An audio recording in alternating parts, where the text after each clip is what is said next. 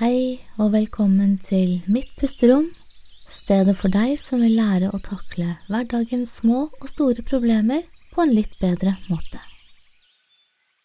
Og vi er i gang igjen med å spille en, en ny podkast.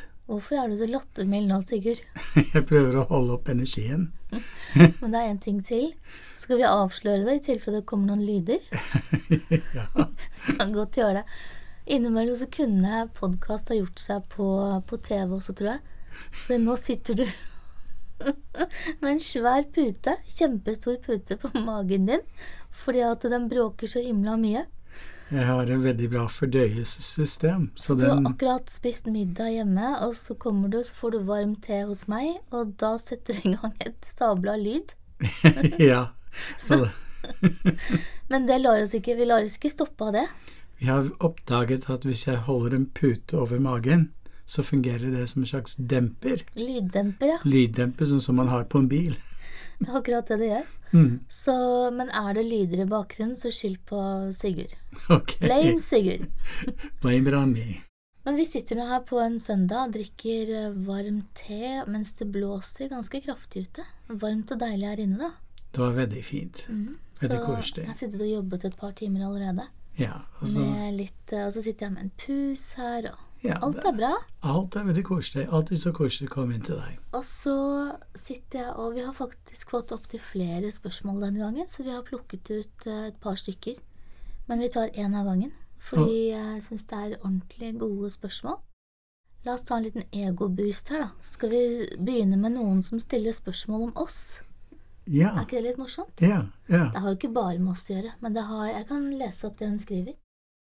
Jeg er en jente på 22 år og vurderer å bli psykolog, men jeg vil gjerne vite litt mer om hvordan jobben egentlig er.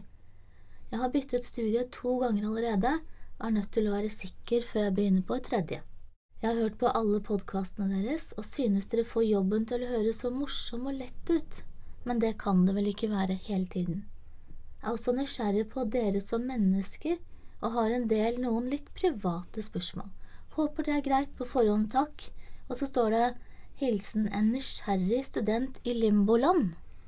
Kult. Det var en veldig fint, eh, fin beskrivelse av situasjonen hennes. Og så kommer det da en masse forskjellige spørsmål under der, men før vi begynner på de spørsmålene, så har jeg lyst til å si noe om at hun er 22 år, og hun eh, har ikke egentlig bestemt seg for hva hun skal bli når hun er stor ennå.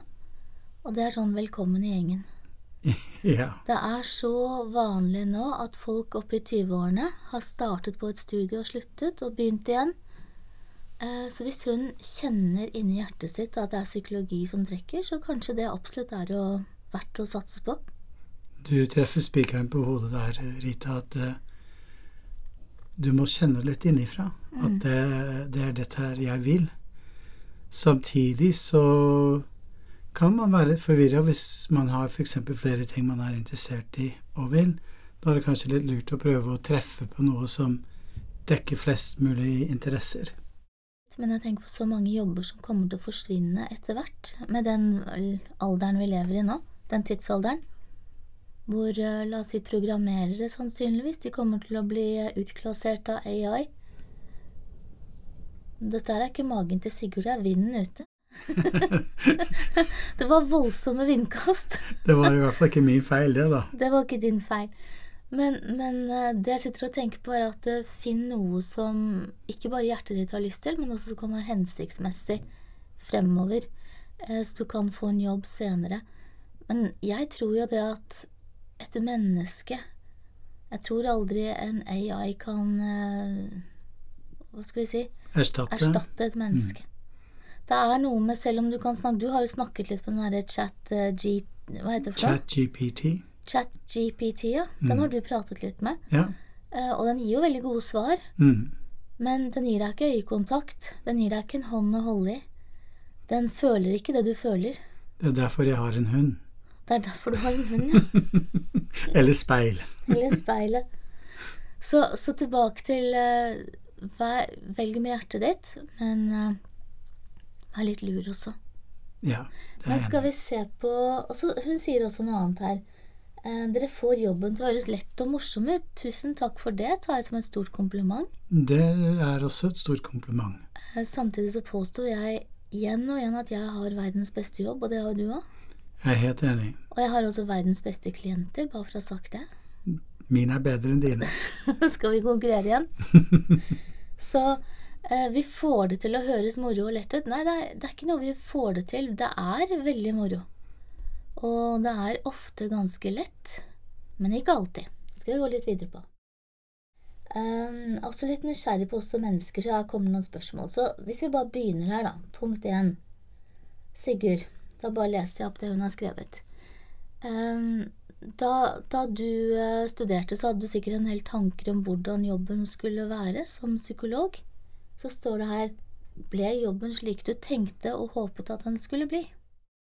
Jeg husker det var kanskje 1984, så nå avslører jeg hvor lenge siden dette var. Så var jeg på universitetet, og der hadde de en sånn åpen kveld hvor, jeg, hvor de viste frem de ulike psykologiske departementer. Eh, det var om persepsjon og kognitiv psykologi osv. Når du sier departementer, så mener du retninger? Retninger innenfor mm. psykologi, ja. ja. Mm. Og det var veldig spennende. og jeg ble litt overrasket, for de har aldri gjentatt det etter den ene gangen. Men uh, det var det som virkelig fikk meg til å tenke oi, dette var veldig interessant. Um, jeg har som bakgrunn som barn var jeg veldig interessert i selvutvikling. Så jeg var med på 70-tallets uh, selvutviklingsbølge, selv om jeg var kanskje bare 14-15 år. Uh, så, så jeg begynte veldig tidlig å lese om alt mulig om disse tingene. Så det falt meg veldig naturlig å velge den retningen når den tiden kom, da. Og jeg var eh, ja, 23-24 når jeg da bestemte meg for å bli psykolog. Så du var litt sånn som i hennes situasjon? Altså du var jo litt sånn halvvoksen da du begynte på studiet? Jeg hadde allerede et barn. Mm -hmm. Så ja, så ja. Det var eh, etablert familie. Ja. Hun er 22 og vurderer å søke nå. Jeg antar at hun har høye nok karakterer, for det er et høyt snitt nå. Ja, Veldig ja. høyt snitt, så du må nok eh, Og hvis ikke du har høyt nok snitt, så får du bare legge inn eh, femtegiret og få bedre karakterer på det du måtte trenge. Ja, det var et tøft studie å komme inn i den gangen også. Ja. Så jeg lurer på om ikke det er enda litt tøffere. Jeg tror det er enda tøffere, det er veldig populært. Mm.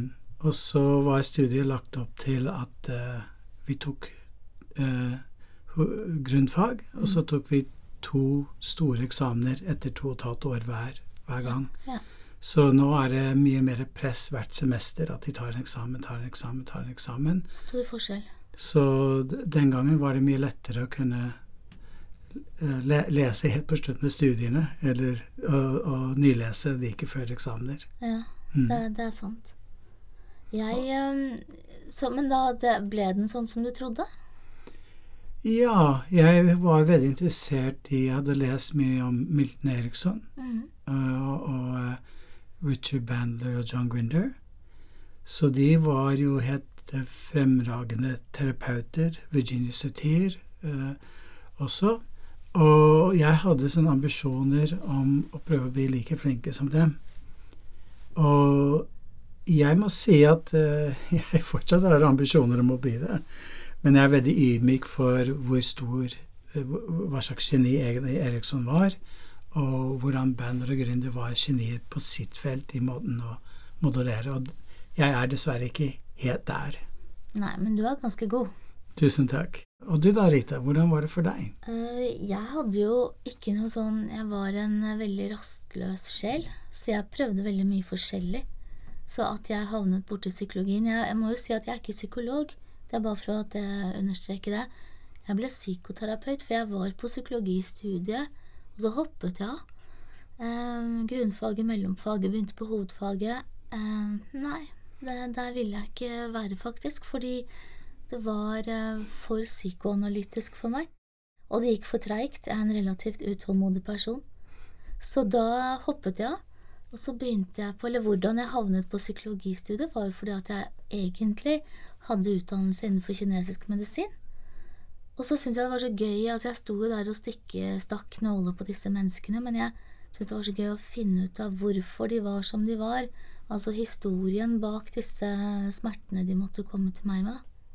Og da ble det psykologi, og så ble det hypnose, NLP, alt sammen samtidig. Det var litt komisk, da, for jeg tenkte jeg hadde eksamen i psykologi, skulle jeg skrive om arv og miljø. Det var hele eksamensoppgaven. Skriv om arv og miljø i seks timer. Det gikk bra, det. Men hvis jeg hadde skrevet Hvis jeg hadde hatt et NLP-sett når jeg hadde skrevet i psykologioppgaven, eller hatt psykologitanker når jeg skrev NLP, så hadde jeg jo strøket på begge to. Mm, mm. Så det var litt interessant å se hvordan jeg måtte holde to baller som var veldig, veldig, veldig forskjellige. Jeg måtte holde to baller opp samtidig. Uh, og jeg klarte aldri å slippe noen av dem. Nei. Så jeg syns NLP og den tilnærmingen der er veldig spennende. Eh, Så lenge det ikke bare er quick fix, men det er veldig mye med dette programmering i hjernen og sånn. Det syntes jeg var kjempespennende. Så det ble sånn som jeg trodde at det skulle bli. Eh, og så tok jeg videre og så studerte jeg mer, tok en del kurs og etterutdanning innenfor positiv psykologi og kognitiv terapi, familieterapi. Ganske mye forskjellige retninger. Og det var rett og slett fordi at jeg oppdaget at jo mer jeg lærte, jo mindre skjønte jeg at jeg kunne. Så jeg var vel litt sånn på 20-tallet, da jeg var tidlig i 20-årene, så var jeg nok litt eh, cocky. Jeg trodde at jeg skulle redde hele verden, jeg trodde at jeg hadde svar på alt. Og jo mer jeg jobbet, jo, jo mer ydmyk ble jeg jo, selvfølgelig. Så for meg så ble den ikke sånn som jeg trodde, den ble bare 100 ganger bedre. Spennende. Så, men det som jeg syns er mest spennende, er dette kompleksiteten i menneskesinnet. At vi tar og avdekker ett lag, og så kommer det veldig mye annet. Men neste spørsmål Hvor lenge har vi jobbet sammen? Det må være hva, 2013, var det ikke da vi begynte å Ja, det var vel omtrent det. Ja, to, nei, 2000 2000, nei, det stemmer det. For at det var, 2014? du, hadde, du hadde akkurat fylt 50 da vi eh, fikk kontakt med hverandre. Så Mm. begynte vi vel egentlig å jobbe sammen da et par år etterpå, så da er det Ja. ca. ti år, da. Ganske jeg, lenge. jeg så hvor dyktig du var, og da tenkte jeg jeg vil gjerne jobbe sammen med deg. Så Og da hvordan det gikk til, var da at du tok meg med på noen kurs og sa kan ikke du være med og så bli med kur på kurs og se? Kanskje du kan bidra med noen ting? Så til å begynne med så satt jeg og da Jeg fikk være med gratis, da, men jeg fikk være med på et par av kursene dine. Og da satt jeg der og viftet med armen og var veldig aktiv, og så sa du kan ikke du bare bli med og så hjelpe meg? Så, så begynte vi å eh, med ENLPP, altså du hadde jo laget et kursopplegg. Effektiv NLP og psykologi heter Ja. det. Mm. Mm. Og bare for dere som ikke kanskje vet hva NLP er, den står for Nå er det en sånn maskinlæringsverktøy, men den gangen var det ikke noe maskinlæringsverktøy som het NLP den gangen. Og den står for nevrolingvistisk programmering.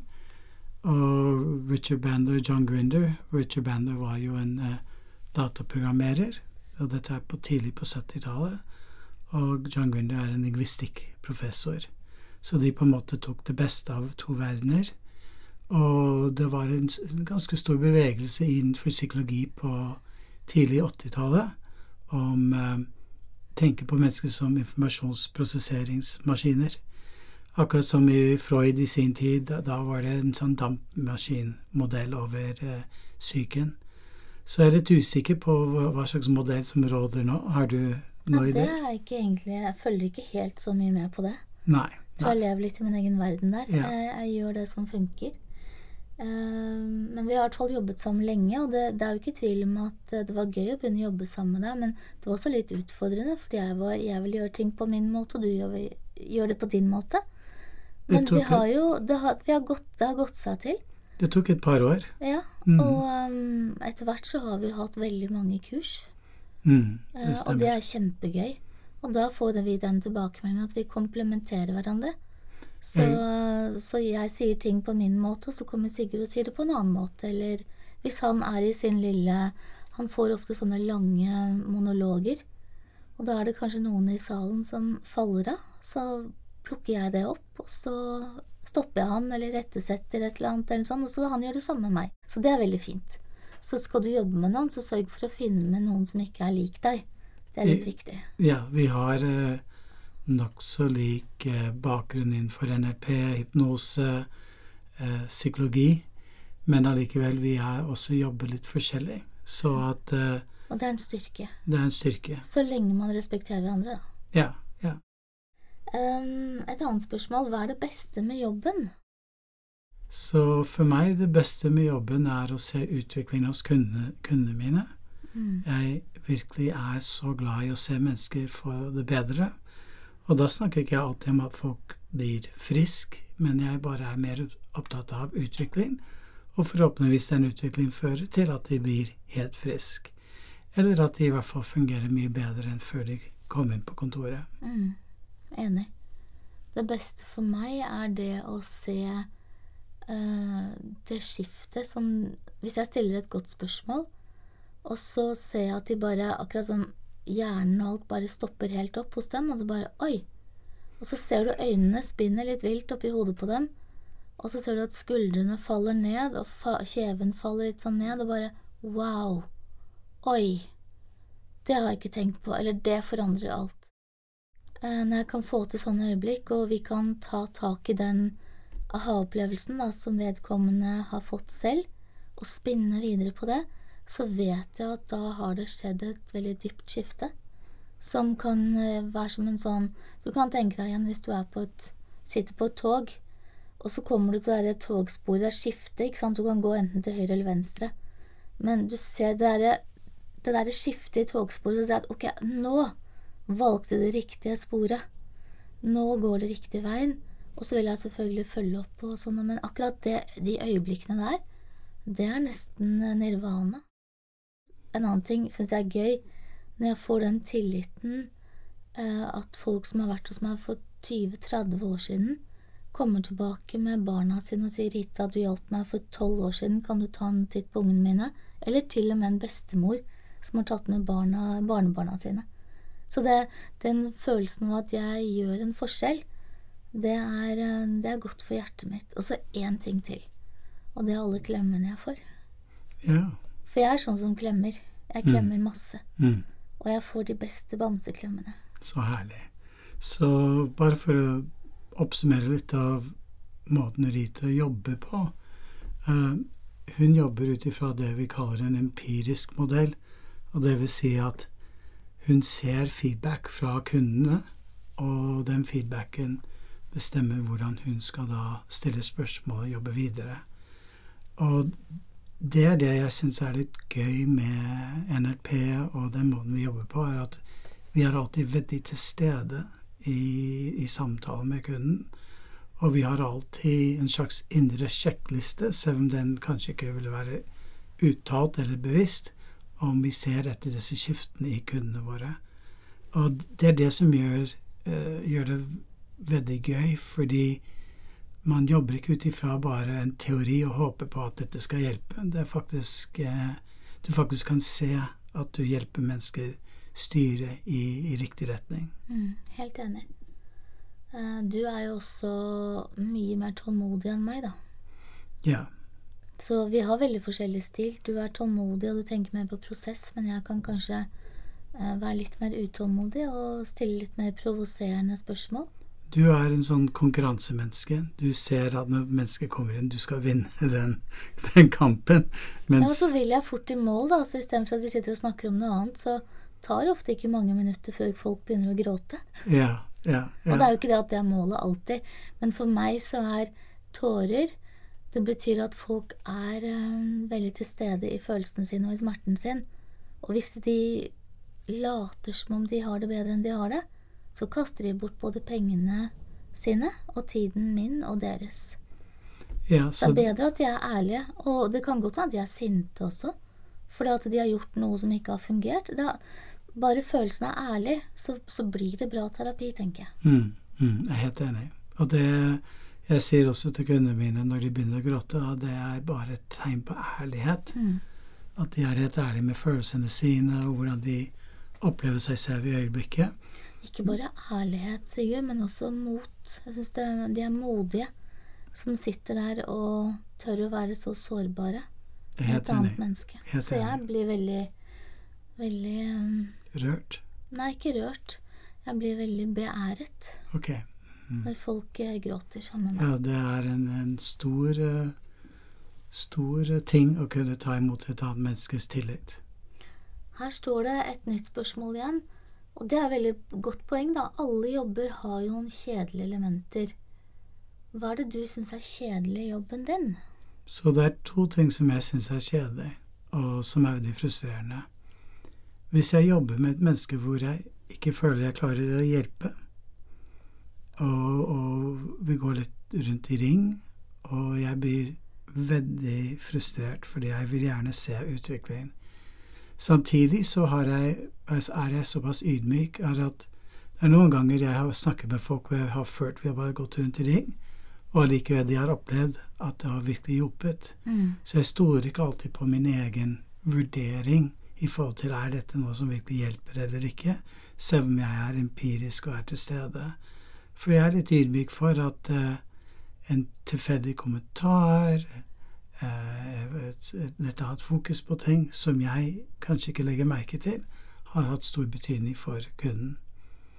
Den andre ting jeg syns er kjedelig, er at hvis jeg har sovet dårlig mm. Så når jeg kommer på kontoret og, og sliter med å holde meg våken fordi jeg vil gjerne være, gjøre en god jobb, jeg vil gjerne være til stede, og det å være Om å jobbe med sin egen sinnstilstand for å være til stede og gjøre en god jobb eh, Jeg liker det mye bedre når jeg har klart å sove bra og er, opplagt. Ja. ja. Mm. mm. For meg så er vel det kjedeligste det noe som jeg gjorde mye av før, og det var å skrive mye rapporter. Mm. Eh, det verste jeg kan tenke meg, er egentlig å skulle være som en type Som en sakkyndig, kanskje innenfor barnevernet eller noe sånt. og eh, og bare observere uten å skulle intervenere. Så altså, jeg skal se på, men jeg skal ikke gjøre noen ting. Jeg skal bare sitte og beskrive i detaljer hva som skjer og ikke skjer. Um, og det, det, er klør i fingrene mine. Så det kan være, syns jeg, vanskeligst. Jeg har sagt nei til uh, sånne typer jobber. Ellers så det kjedeligste var Jo, det må være møter på Teams klokken åtte om morgenen. Hvor alle, alle er like trøtte, alle er like demotivert, og så skal jeg sitte og trekke hele gjengen. Den, den funker dårlig. Eh, ellers så syns jeg egentlig ikke det er så mye kjedelig for jobben min, for å være helt ærlig. Her kommer nok et spørsmål som kanskje er litt relatert til det du sa i stad, men her står det Hvordan er det å jobbe med andre mennesker når du selv går gjennom en tøff periode? Så det er uh, et godt spørsmål, fordi jeg husker uh, når jeg ble skilt og, og, hadde det veldig tøft, hadde mye angst og uro. Det faktisk hjalp meg å forstå mennesker med angst og uro mye bedre, og jeg fikk mye større respekt for hvor sterk eh, dette fight-flight-systemet er, og at det er ikke så lett å bare si du må velge annerledes. Så, så eh, det har gått gjennom en veldig slitsom og vond periode og har gitt meg et nytt perspektiv på det å jobbe med mennesker. Men når jeg var selv oppe i situasjonen, fordi jeg føler at jeg mestrer jobben relativt bra, det ble en slags pause fra ubehaget. Mm. En pause fra den turbulente tiden jeg gikk igjennom. Og det er derfor jeg, når folk kommer til meg og har det vanskelig, eller er i ferd med å føle seg litt sånn De går gjennom en skilsmisse, eller hva det måtte være. Jeg tar aldri for gitt at det å dra på jobb nødvendigvis at de bør sykemelde seg. Jeg ser det litt annet for, fra person til person. For noen mennesker har såpass mye mestring, og de får en pause fra hverdagen, at det er faktisk sunt for dem å dra på jobb. Mm, enig. Så for deg så fungerte det bra når du hadde det vanskelig å dra på jobb? Ja, det var ikke i hvert fall min subjektive opplevelse. Mm. Det var ikke noen forskjell. Egentlig. Jeg er nok ganske uh, lik der på en måte, for jeg elsker jo jobben min, jeg også. Uh, og de perioder som jeg har hatt det vanskelig, så koser jeg meg på jobben, for da slipper jeg å tenke på meg selv. Og jeg har også sånn lite mantra at hvis jeg har det forferdelig vanskelig, og det skjer, da blir jeg snillere og hyggeligere enn noen gang. Jeg blir veldig gir oppmerksomhet og tid og sånn til andre. Det er bare sånn som sitter. Sikkert ikke helt sunt alltid, men jeg blir veldig, veldig til stede, og jeg har eh, det som vi kaller for compartmentalizing når jeg går inn på jobben og kjenner at liksom energien er veldig, veldig lav, og jeg har kanskje ja, La oss si at det, en ting jeg har hatt mye i livet mitt, da er jo dette med sorg og dødsfall og begravelser. Det jeg skal innrømme er litt tungt, er å høre andre mennesker beskrive ting som jeg kan relatere meg til. Så jeg bare kjenner å, shit, åh, den her kjente jeg. Når det skjer, så trekker jeg pusten godt inn. Så tar jeg noe å drikke, gjerne noe kaldt å drikke, og så sier jeg bare at uh, dette er ikke mitt, sier jeg inni hodet mitt. Og det tar kanskje to–tre sekunder, så er jeg tilbake igjen. Så jeg anerkjenner at noen ganger så er det noen som kan berøre meg, og jeg kan kjenne det, eller det kan være andre ting som, som de har opplevd som er nesten så jeg kunne ha sagt det selv. Um, det kan være vold, det kan være overgrep, det kan være ting som er vonde, som jeg tenker shit, og så trekker jeg pusten, drikker. Dette handler ikke om meg. Og så er jeg tilbake. Så, så bortsett fra de få gangene det er sånn, så har jeg det egentlig veldig, veldig til stede på jobben. Og som en fin pause, som du sier. Så det går greit. Her er nok et spørsmål igjen, da. Den syns jeg var veldig fin. Bruker du eh, egne råd på deg selv og dine egne barn? Og klarer du alltid å gjøre alt riktig? Ja. det er nesten to spørsmål i ett her. Eh, den eh, kan jeg svare for meg selv først. Ja, det kan du. Um, jeg eh, er jo så heldig da når jeg sitter og gjentar meg Det er noen jeg må gjenta mine egne altså mine råd eller gode spørsmål, åpne, reflektive spørsmål til mange ganger. Og da tenker jeg det er bare kjempefint, for jeg trenger repetisjon, jeg også. Eh, så det er helt umulig å ikke klare å følge mine egne råd når jeg nesten sitter og gjentar de så ofte. Så det er eh, Men jeg gjør selvfølgelig feil. Selvfølgelig kan jeg også eh, glemme meg litt. Absolutt. Men jeg tror det som er forskjell fra meg og de som ennå ikke har det i margen, er at jeg kommer veldig fort tilbake. Så jeg kan bli sint, jeg kan bli lei meg, jeg kan bli opprørt. Jeg kan si ting kanskje jeg ikke skulle ha sagt, men så vops, så er jeg tilbake igjen. Det å krangle er ikke farlig så lenge vi rydder opp etterpå.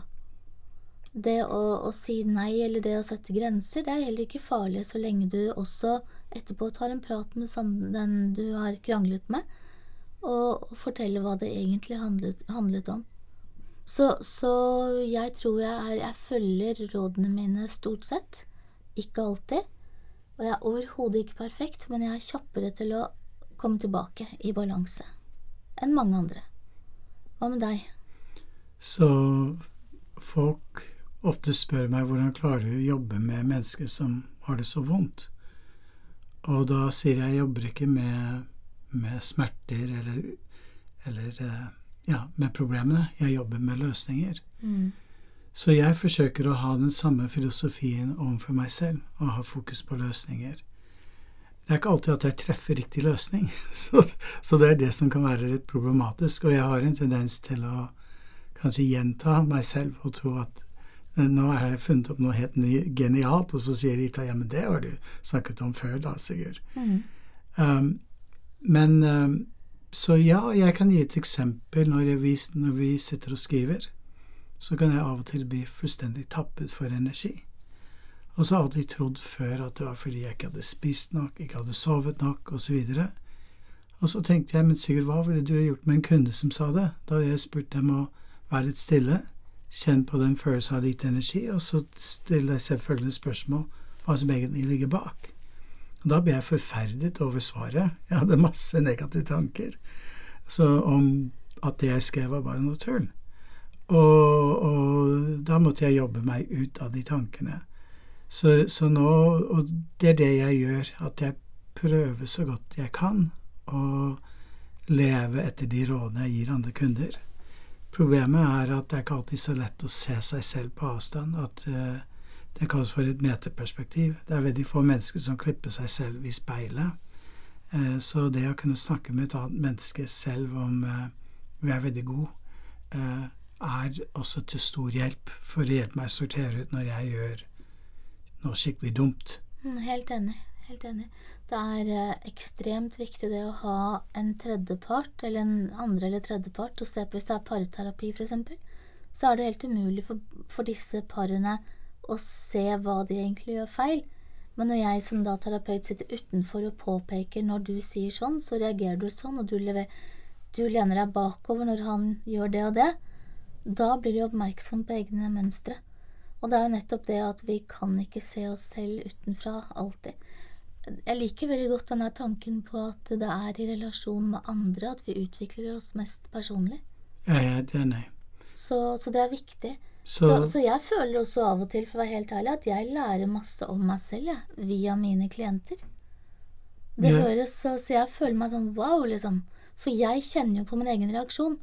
Måten jeg bearbeider det på, er at jeg drar hjem, og så skriver jeg veldig ofte om hva jeg har tenkt eller følt, eller Så jeg bearbeider på den måten. Så jeg er ganske god på metaperspektiv på meg selv. mm, det Det er er lett for meg å dissosiere meg og se meg selv utenfra.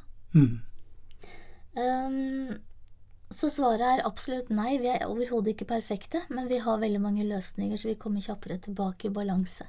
Det er veldig korte svaret. Jeg tror det er sant. Ehm, morsomt spørsmål her. Kan du bli glad i klientene dine? Og er det noen du aldri glemmer? Så det spørsmålet kan svares på mange, mange ulike måter.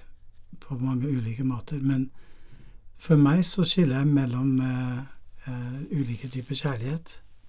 Så alle mennesker som kommer til meg, møter jeg med en sånn dyp respekt og medmenneskelig kjærlighet. Eh, så på den måten så er jeg glad i kundene mine, og jeg virkelig bryr meg om at de får det bedre. Så, så jeg er veldig investert i at de skal få det bedre. Det som er fordel med å være psykolog og ikke være involvert i det menneskets liv, er at da kan jeg ha et Da har ikke jeg eh, en investering at noe skal skje. Så eksempel hvis jeg hadde vært en kjæreste med noen og skulle prøve å bruke de teknikkene der, da har jeg selvfølgelig lyst til å overbevise kvinnen på mitt synspunkt, eller være enig med det jeg vil. Men som psykolog så er ikke jeg der i det hele tatt. Jeg er mye mer objektiv og står utenfor.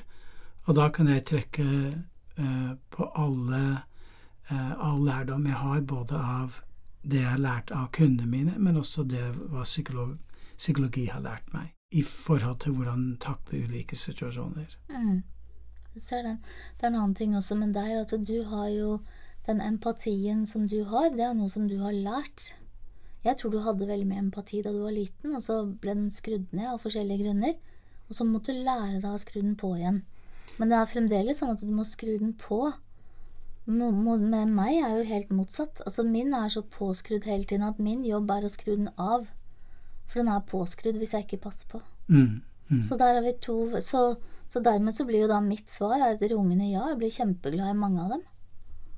Mm, jeg møter alle med respekt og nysgjerrighet, alle sånn nye som kommer. Men så er det selvfølgelig noen som, som berører meg mer enn andre. Jeg har jo til og med hvert år så gir jeg gave til fem klienter jul, til julaften. Og hvis ikke de kan komme, så kjører jeg til dem og leverer en liten gave, for jeg syns at de fortjener det. Det er noen som har gjort en ekstra innsats, noen som har hatt det litt ekstra tøft, noen som har eh, berørt meg litt mer, jeg vet ikke. Så absolutt noen jeg blir eh, mer glad enn andre. Sånn er det bare, for jeg er et menneske. Er det noen du aldri glemmer da, Sigurd? Noen som eh, lever videre i deg, som du husker? Ja, men jeg har ikke så veldig lyst til å gå inn i detaljene på de menneskene, for da føler jeg at jeg bryter jeg en, en taushetsplikt. Men uh, det er en to-tre stykker som virkelig setter spor. Selvfølgelig. Eh, og jeg har veldig stor eh, respekt for den, det livet de eh, lever. Mennesker som har det veldig tøft. Mm. Da blir også svaret veldig klart ja fra meg her. Det er eh, mange som jeg aldri glemmer. Men av samme grunn som deg, så skal jeg heller ikke gå inn på hvem det er, for um, ja, det er ikke noe konkurranse, dette her. Men jeg tenker at behandlere er også mennesker, og det er viktig å huske på. Det er veldig viktig. Hva er det viktigste, siste spørsmål her, hva er de viktigste kvalitetene en psykolog skal ha? Og til slutt, hva må en psykolog aldri gjøre? Vi begynner med de viktigste kvalitetene. Så jeg tenker Jeg er veldig glad i i det at man skal være empirisk. Mm. Til stede, eh, vi å gi folk din fulle oppmerksomhet. Mm. For jeg tror det er faktisk en mangelvare i samfunnet generelt. Og vi ser at mange ungdom f.eks., og andre mennesker som kommer til oss, lider av, av 'hvorfor er det ingen som ser meg'? Så det i seg selv er en veldig stor terapeutisk eh, virkning. Men med empirisk, da mener jeg at man skal være eh, Lese folks tilstand og, og, og være, prøve å lese folks eh, følelser og tanker osv. Jeg mener også det er veldig viktig å tenke at alle mennesker er eksperter på sin egen virkelighet. Så når et menneske har angst, så er det ikke noe man har, men det er noe man gjør. Når et menneske er deprimert, det er ikke noe man har, men det er noe man gjør. Og det er veldig spennende å, stille spørsmål og hjelpe folk eie den prosessen de kjører i seg selv, inni seg selv. Eh, så, så eh, når mennesker får et slags metaperspektiv på seg selv, hvordan de gjør en angst, hvordan de gjør en depresjon, det er først da et valg kan oppstå. Samtidig så er veldig opp, uh, ydmyk for uh, det å kunne ha et valg egentlig betyr at man har noen forutsetning på et nevrologisk nivå. Du vil ikke be en person som er fargeblind og ser forskjell på farger, eller en person som har et bein som ikke funker å løpe 100-meteren. Og på samme måte så prøver jeg å hjelpe folk godta at akkurat nå så har de, har de De kan forstå hvordan de gjør en ting, hvordan de skaper en angst, en uro. Men det er ikke sikkert de klarer å gjøre noe med det akkurat da. Og det er derfor uh, mindfulness meditasjon er blitt en så veldig viktig bit. Det å, å kunne meditere, det å kunne være til stede i seg selv, og samtidig jobbe med egen refleksjonsoppgaver. Sånn som vi har f.eks. i mitt pusterom. Og jeg mener det er en kombinasjon av refleksjon og evnen til å Og det å lære seg mindfulness meditasjon er oftest det som er the missing link når folk forstår. Eh, de opplever en, en, terapeut som er helt til stede, men allikevel de klarer ikke å endre seg. Da tenker jeg oi, her har vi en, en, en person som ikke klarer helt å løfte den vekta vi ønsker å be dem å løfte, så de må utvikle de musklene først. Så hva er det verste en terapeut kan gjøre, da?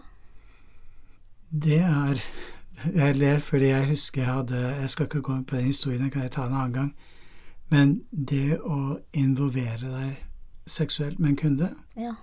Men det er noe av, det, noe av det, verste man gjør. Mm. Eh, det å bli for involvert i det menneskets liv, så du begynner å ta parti istedenfor at du kan være litt utenfor og se det på avstand, er, er, noe av det verste. Så alt som går på å krenke kunden eh, eh, seksuelt, fysisk osv., mener jeg er bør man ikke gjøre. Så de vanlige eh, etiske regler som vi har lært på, psykologistudiet, de gjelder i aller høyeste grad.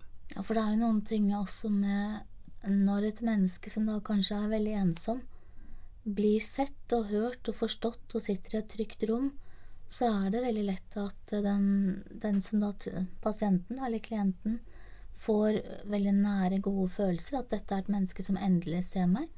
Og da kan det, hvis de ikke har hatt eh, sex i ekteskapet sitt på fire-fem år, så kan det selvfølgelig oppstå ting eh, som man absolutt ikke må gå videre med. Det er viktig.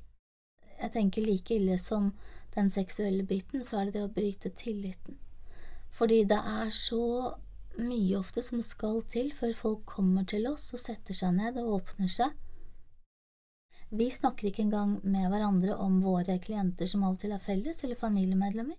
Med mindre vi spør i forkant om det er hensiktsmessig, vi spør hvis det er noe vi mener de må vite. Så taushetsplikten, den må overholdes, og tillit, eh, tilliten må være på plass. Tilliten kan, tilliten kan ta kjempelang tid å, bygge opp, og så snapp, så er den over. Helt enig. Det er derfor vi har jo taushetsplikt, og det er nettopp for å ivareta tilliten. Og en ting, ja, så tilliten, og en ting til som man kanskje ikke skal gjøre, er å gi for, for konkrete Du må gjøre dette her, og hvis ikke du gjør det, så vil det, og det skjer, liksom. Jeg syns man skal være litt for forsiktig, for eksempel innenfor parterapi og sånt, da. Det er bare to mennesker som kjenner den hele og fulle sannheten om det forholdet, er de to det gjelder. Alle andre, det blir bare synsinger. Så vi får stille åpne spørsmål og ha respekt for at ting skjer når det skal skje. Kan si at jeg tror og jeg tenker at det og det er lurt, og hvis du gjør sånn og sånn, så kan hende at det og det skjer, men ikke si noen gang at du må gjøre det, eller så. Det er jeg enig i. For du Eh, har så mye hva heter det, kraft, eller ikke kraft, du har så mye makt i den posisjonen. Jeg er enig, så det eneste jeg kan legge til der, er av og til så ser vi et mønster, og hvordan den kommer til å utvikle seg. Så hvis jeg jobber med en, en dame som har en mann som er på en bestemt måte, så må jeg fortelle henne min erfaring med sånne, sånne typer personligheter. Det er klart. Så, så, og da forteller jeg hva jeg tror mest sannsynlig kommer til å skje.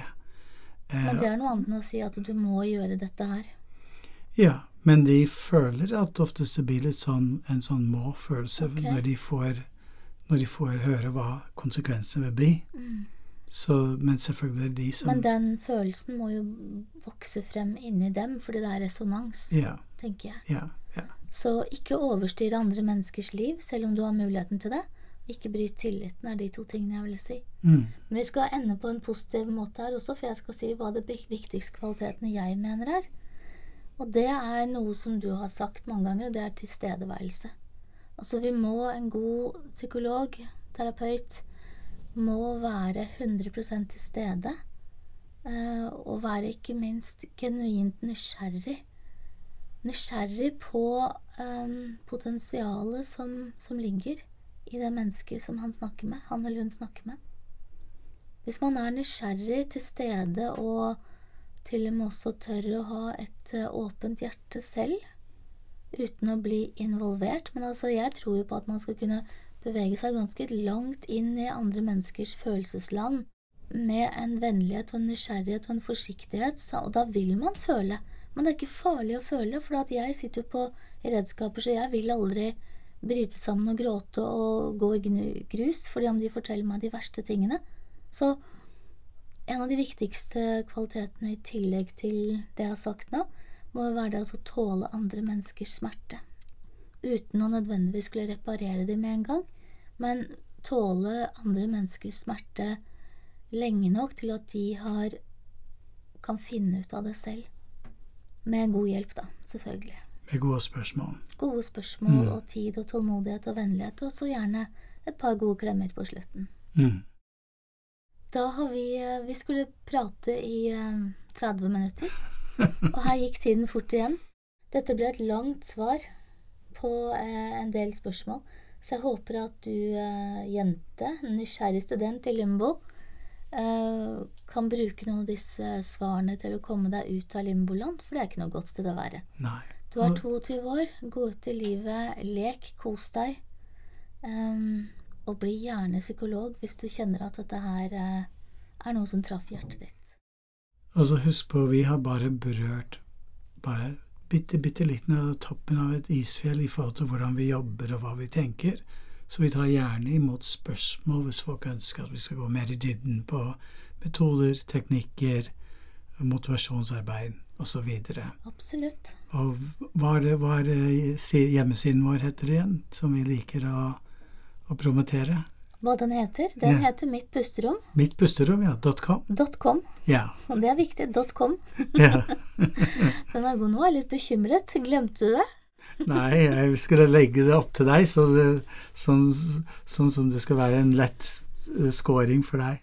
Den er god. Men da ønsker jeg deg som hører på, en riktig god dag videre. Så høres vi om noen uker, tenker jeg.